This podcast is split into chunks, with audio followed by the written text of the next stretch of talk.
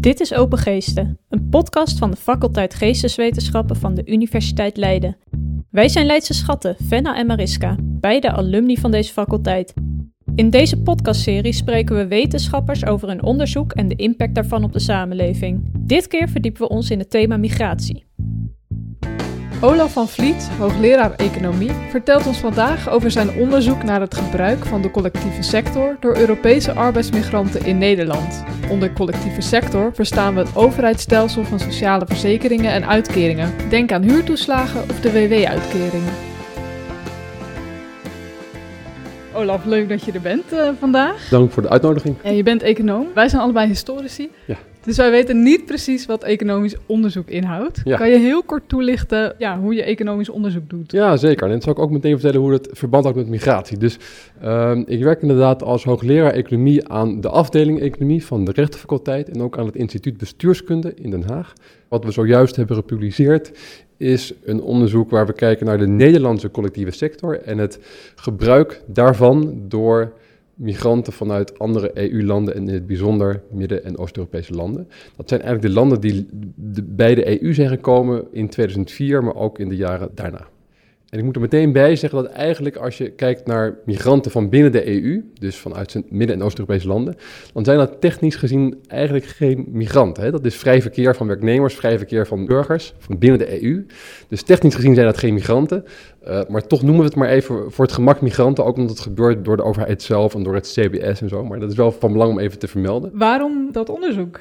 Ja, dus wat, wat je veel ziet in het publieke debat en ook in de politiek, maar ook door werkgevers en werknemers, is dat er wel eens een zorg wordt geuit um, over de druk die migranten zouden leggen op de collectieve sector.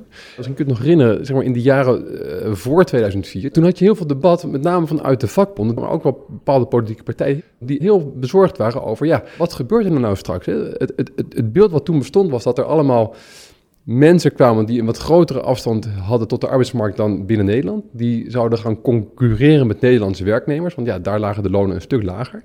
En die misschien wel ook naar hier zouden komen vanwege het feit dat bijvoorbeeld de bijstand en de WW hier een stuk hoger liggen dan in die landen daar. En dat betekent eigenlijk dat, dat als het waar zou zijn, dat autochtone Nederlanders dan meer belastingen en premies zouden moeten gaan betalen om die bijstand en die pensioenen en die werkloosheidsuitkeringen van die migranten te betalen.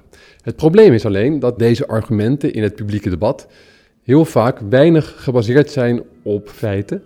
En dat is ook niet zo vreemd, want er zijn nu eenmaal weinig feiten op dit terrein voorhanden. En dat was de aanleiding voor ons uh, om dit onderzoek te gaan doen.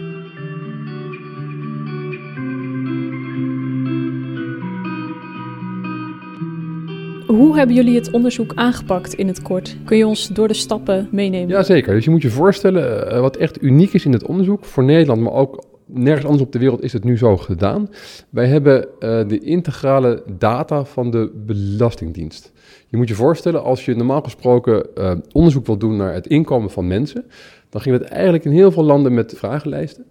En als je mensen vraagt wat is je inkomen, dan heeft niet iedereen hetzelfde idee daarvan. Hè? Sommige mensen halen bruto of netto door elkaar. Sommige mensen weten het niet precies wat achter de komma.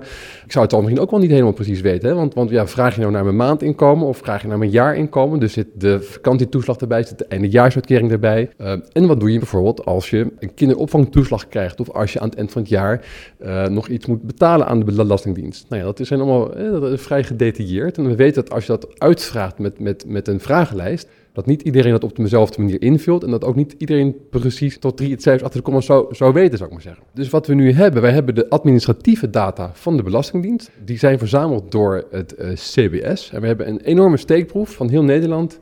En daardoor weten we wel tot twee cijfers achter de komma wat het allemaal is. En niet alleen dat, we weten het ook per regeling. Dus we weten, is het salaris of is het huurtoeslag of is het één iemand? Zijn er twee mensen? Hebben ze kinderen of niet? Dus uh, we kunnen daar veel meer over zeggen dan tot nu toe. En is die data voor iedereen toegankelijk eigenlijk? Of hebben ja, jullie principe, daar speciale toegang? Ja, ja en ja. Dus in principe is dat voor, zou het voor iedereen publiek toegankelijk zijn, maar je moet het wel aanvragen. Als je nu naar de website toe gaat, kun je er niet meteen bij. Maar als je door de aanvraagprocedure van het CBS heen zou gaan, zou in principe iedereen daar gebruik van uh, kunnen maken. Dus jullie hebben die data verzameld en Ja, dus dan ga je krijg je dan mee ruwe data en dan, dan moet je die gaan bewerken. Dus dan moet je gaan nadenken van ja, hoe kunnen we die gebruiken? Ehm, dus er vinden allerlei statistische bewerkingen plaats. Het is natuurlijk een enorme dataset, dus die gaan we analyseren met software. Dat is eigenlijk de eerste stap. En vervolgens gaan we denken, ja, wat willen we hier nu mee doen? Om een voorbeeld te geven, wat van belang is eh, in het debat is of we kijken naar sociale verzekeringen of sociale voorzieningen. Sociale verzekeringen zijn bijvoorbeeld de werkloosheidsuitkering of de WIA als je arbeidsongeschikt raakt. En dat zijn werknemersverzekeringen. Dat betekent dat, dat, die, dat je die krijgt als je gewerkt hebt en je hebt de premie betaald. Versus bijvoorbeeld de bijstand, dat is een sociale voorziening. Eh, en die wordt betaald vanuit de belastingen. Dus daar is niet een direct verband tussen wat mensen krijgen en de premies die ze hebben betaald. En dat is van belang, want in het geval van dit laatste, van die bijstand, van die sociale voorzieningen, vraag je eigenlijk meer van de rest van de samenleving in termen van solidariteit. Want in het eerste geval van die verzekeringen, ja, dat zijn verzekeringen, net als een, een brandverzekering waar je zelf premie voor hebt betaald. Dat is ook zo bij de WW. Terwijl van, in het geval van de bijstand vraag je eigenlijk om solidariteit van andere mensen. Dus in het debat over, ja, leggen migranten nou een druk op de, op de collectieve sector en, vraag je daar wat van, van de samenleving, is het onderscheid tussen voorzieningen en verzekeringen, dat, is, dat is erg van belang. En nu terug naar je vraag. Dit is één ding wat we wilden weten, hè, van of er nou een, een verschil bestaat tussen die voorzieningen en verzekeringen. Dus dan moet je wel in je data, in je software, in je analyse iets zeggen dat die euro's van dat ene huishouden, ja, zijn dat euro's die horen bij een verzekering of bij een voorziening. Dus je moet klassificaties gaan aanbrengen voor het maken van je analyse.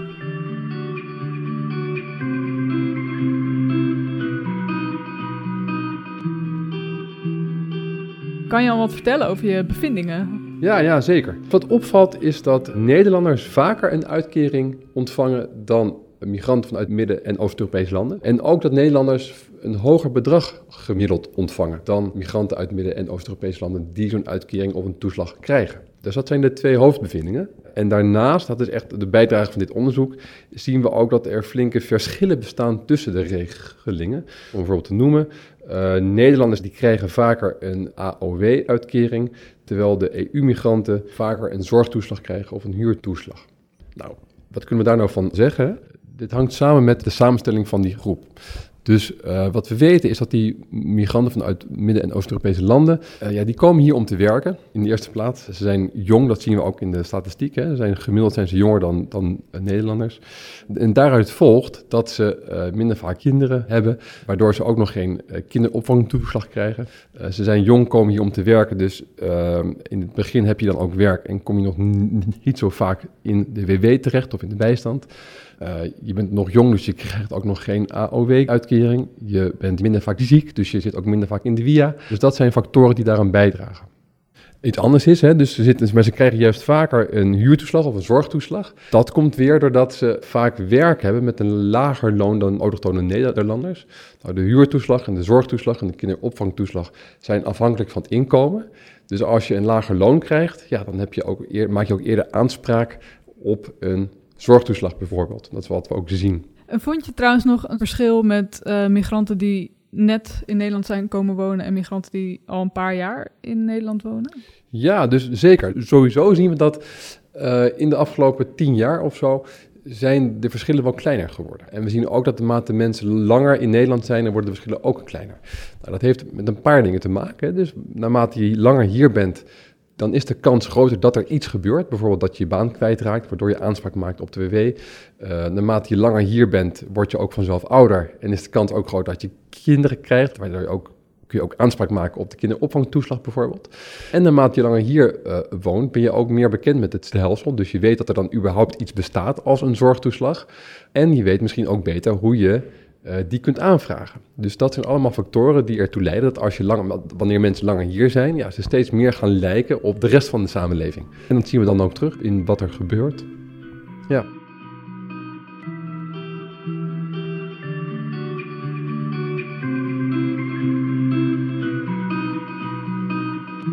Wat je hebt uh, gevonden, dat wijkt wel af van de beeldvorming over ja, migranten. Zeker. Ja, precies. Kan je daar iets meer over vertellen? Waarom ligt dat zo ver uit elkaar?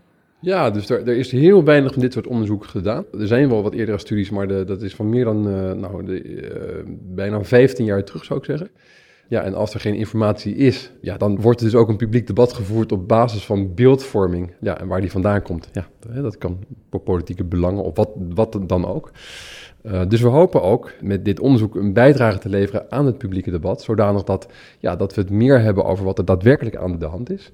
En ook een veel genuanceerder beeld te laten zien. Hè? Uh, dus we kunnen het ook veel meer hebben op een detailniveau wat er aan de hand is, in plaats van spreken in, in algemeenheden dat migranten of Nederlanders vaker een uitkering krijgen. Hoe past dit onderzoek nou in een soort veel bredere context? Er is veel te doen over arbeidsmigratie, wat misschien nodig is om personeelstekorten in Nederland op te vullen. Ja. Kan dit onderzoek daar iets aan bijdragen voor in de toekomst, voor hoe we daarmee omgaan? Ja, zeker. Dus er is in de afgelopen maanden veel debat geweest over personeelstekorten en of arbeidsmigratie daar de oplossing voor zou zijn, of een van de oplossingen voor zou zijn. En we hebben ook gemerkt, en dat denken wij als economen ook, maar je merkt het ook in het publiek debat, dat het uh, verstandig is om een breder perspectief te gebruiken. Dat noemen we dan de brede welvaart. Dus je moet niet alleen kijken, kunnen arbeidsmigranten de vacatures opvullen en zijn we er daarmee. Maar je moet een breder perspectief hanteren. Namelijk um, uh, betekent het ook iets voor de woningmarkt en de druk op de woningmarkt. Maar ook betekent het iets voor de druk op de overheidsfinanciën bijvoorbeeld. Ja, en op het punt van de druk op de, op de overheidsfinanciën of juist de bijdrage aan de overheidsfinanciën, want mensen betalen ook belastingen en premies. Ja, daar maakt het een deel van uit. Is jullie onderzoek ook uh, breed opgepikt door beleidsmakers? Of? Nou, het is pas uh, verleden week verschenen, dus um, het, het moet nog, nog, nog blijken. Want dat klinkt als relevante informatie om, ja, om ja, breder bekend te worden. Zeker. Maar goed, daar uh, kan de podcast misschien aan bijdragen. Nou, ja. ja. ja, maar dat is wel interessant. Heb je ideeën over hoe je onderzoek beleid kan beïnvloeden misschien? Of ja. ja, we gaan het ook zeker nog breder verspreiden. Het is ook verschenen in het tijdschrift voor politieke economie, waarvan we weten dat het ook flink wordt gelezen door beleidsmakers in Den Haag. Het wordt ook een internationaal journal article. Nou, dat wordt natuurlijk minder gelezen door beleidsmakers in Den Haag, maar dat is ook juist de reden dat we dit ook in het uh, Nederlands hebben gepubliceerd, in een open access uh, tijdschrift. Dus ja, de kans dat het wordt opgepikt is daarmee wat groter. Uh, afgelopen jaar hebben we het ook gepresenteerd op de Nederlandse Economendag. Uh, dat is een conferentie die we hebben georganiseerd in Den Haag, waar ook veel uh, mensen aanwezig waren vanuit ministeries bijvoorbeeld. Oké, okay, dus er zijn genoeg lijntjes. Ja. Oké. Okay. Ja. Je onderzoek hoort bij een langerlopend project, zei je al in het begin. Ja. ja. Wat, wat staat er nog op de planning? Nou, wat we, we hebben nu eigenlijk gekeken naar de uitkeringen en de toeslagen die arbeidsmigranten krijgen. Maar ik zei ook al, ja, ze betalen ook belastingen en premies. Dus eigenlijk is dit maar de eerste helft van het verhaal. Uh, wat een interessante vraag is, hoe zit het nou met de netto-bijdrage, noemen we dat aan de collectieve sector? Dus, dus dat gaan we ook nog doen. En dan is het ook nog interessant om te kijken, ja, dit weten we nu voor Nederland, maar hoe zit het met andere landen om ons heen? Uh, zien we daar vergelijkbare patronen in Denemarken, Duitsland, in België? Of wijkt het beeld daar heel sterk af? En komt dat dan doordat de collectieve sector, dat die anders werkt, dat daar de bijstandsuitkeringen lager zijn of hoger zijn? Uh, of komt het bijvoorbeeld dat daar ook arbeidsmigranten komen, maar uit een ander land? Niet uit Polen, maar uit Bulgarije met een andere achtergrond bijvoorbeeld. Dus dat zijn ook nog vragen die we de komende jaren zullen gaan onderzoeken. En dan wordt het echt een Europees onderzoek. Ja, zeker. In dat verband is ook nog wel leuk om te vertellen. We hebben juist een uh, Horizon Europe grant gekregen. Waar we ook nog vier verder mee kunnen met het onderzoek. In samenwerkingsverband met andere universiteiten in de EU. Gefeliciteerd. Ja, bedankt. Ja. Dankjewel. Ja, heel mooi. Uh, en daar vormt dit ook weer een vraag in. Dit onderzoek. Genoeg ja. te doen, dus. Ja, zeker. zeker. Heel veel ja. succes. Ja, heel veel met het verdere onderzoek. Ja. Heel veel dank.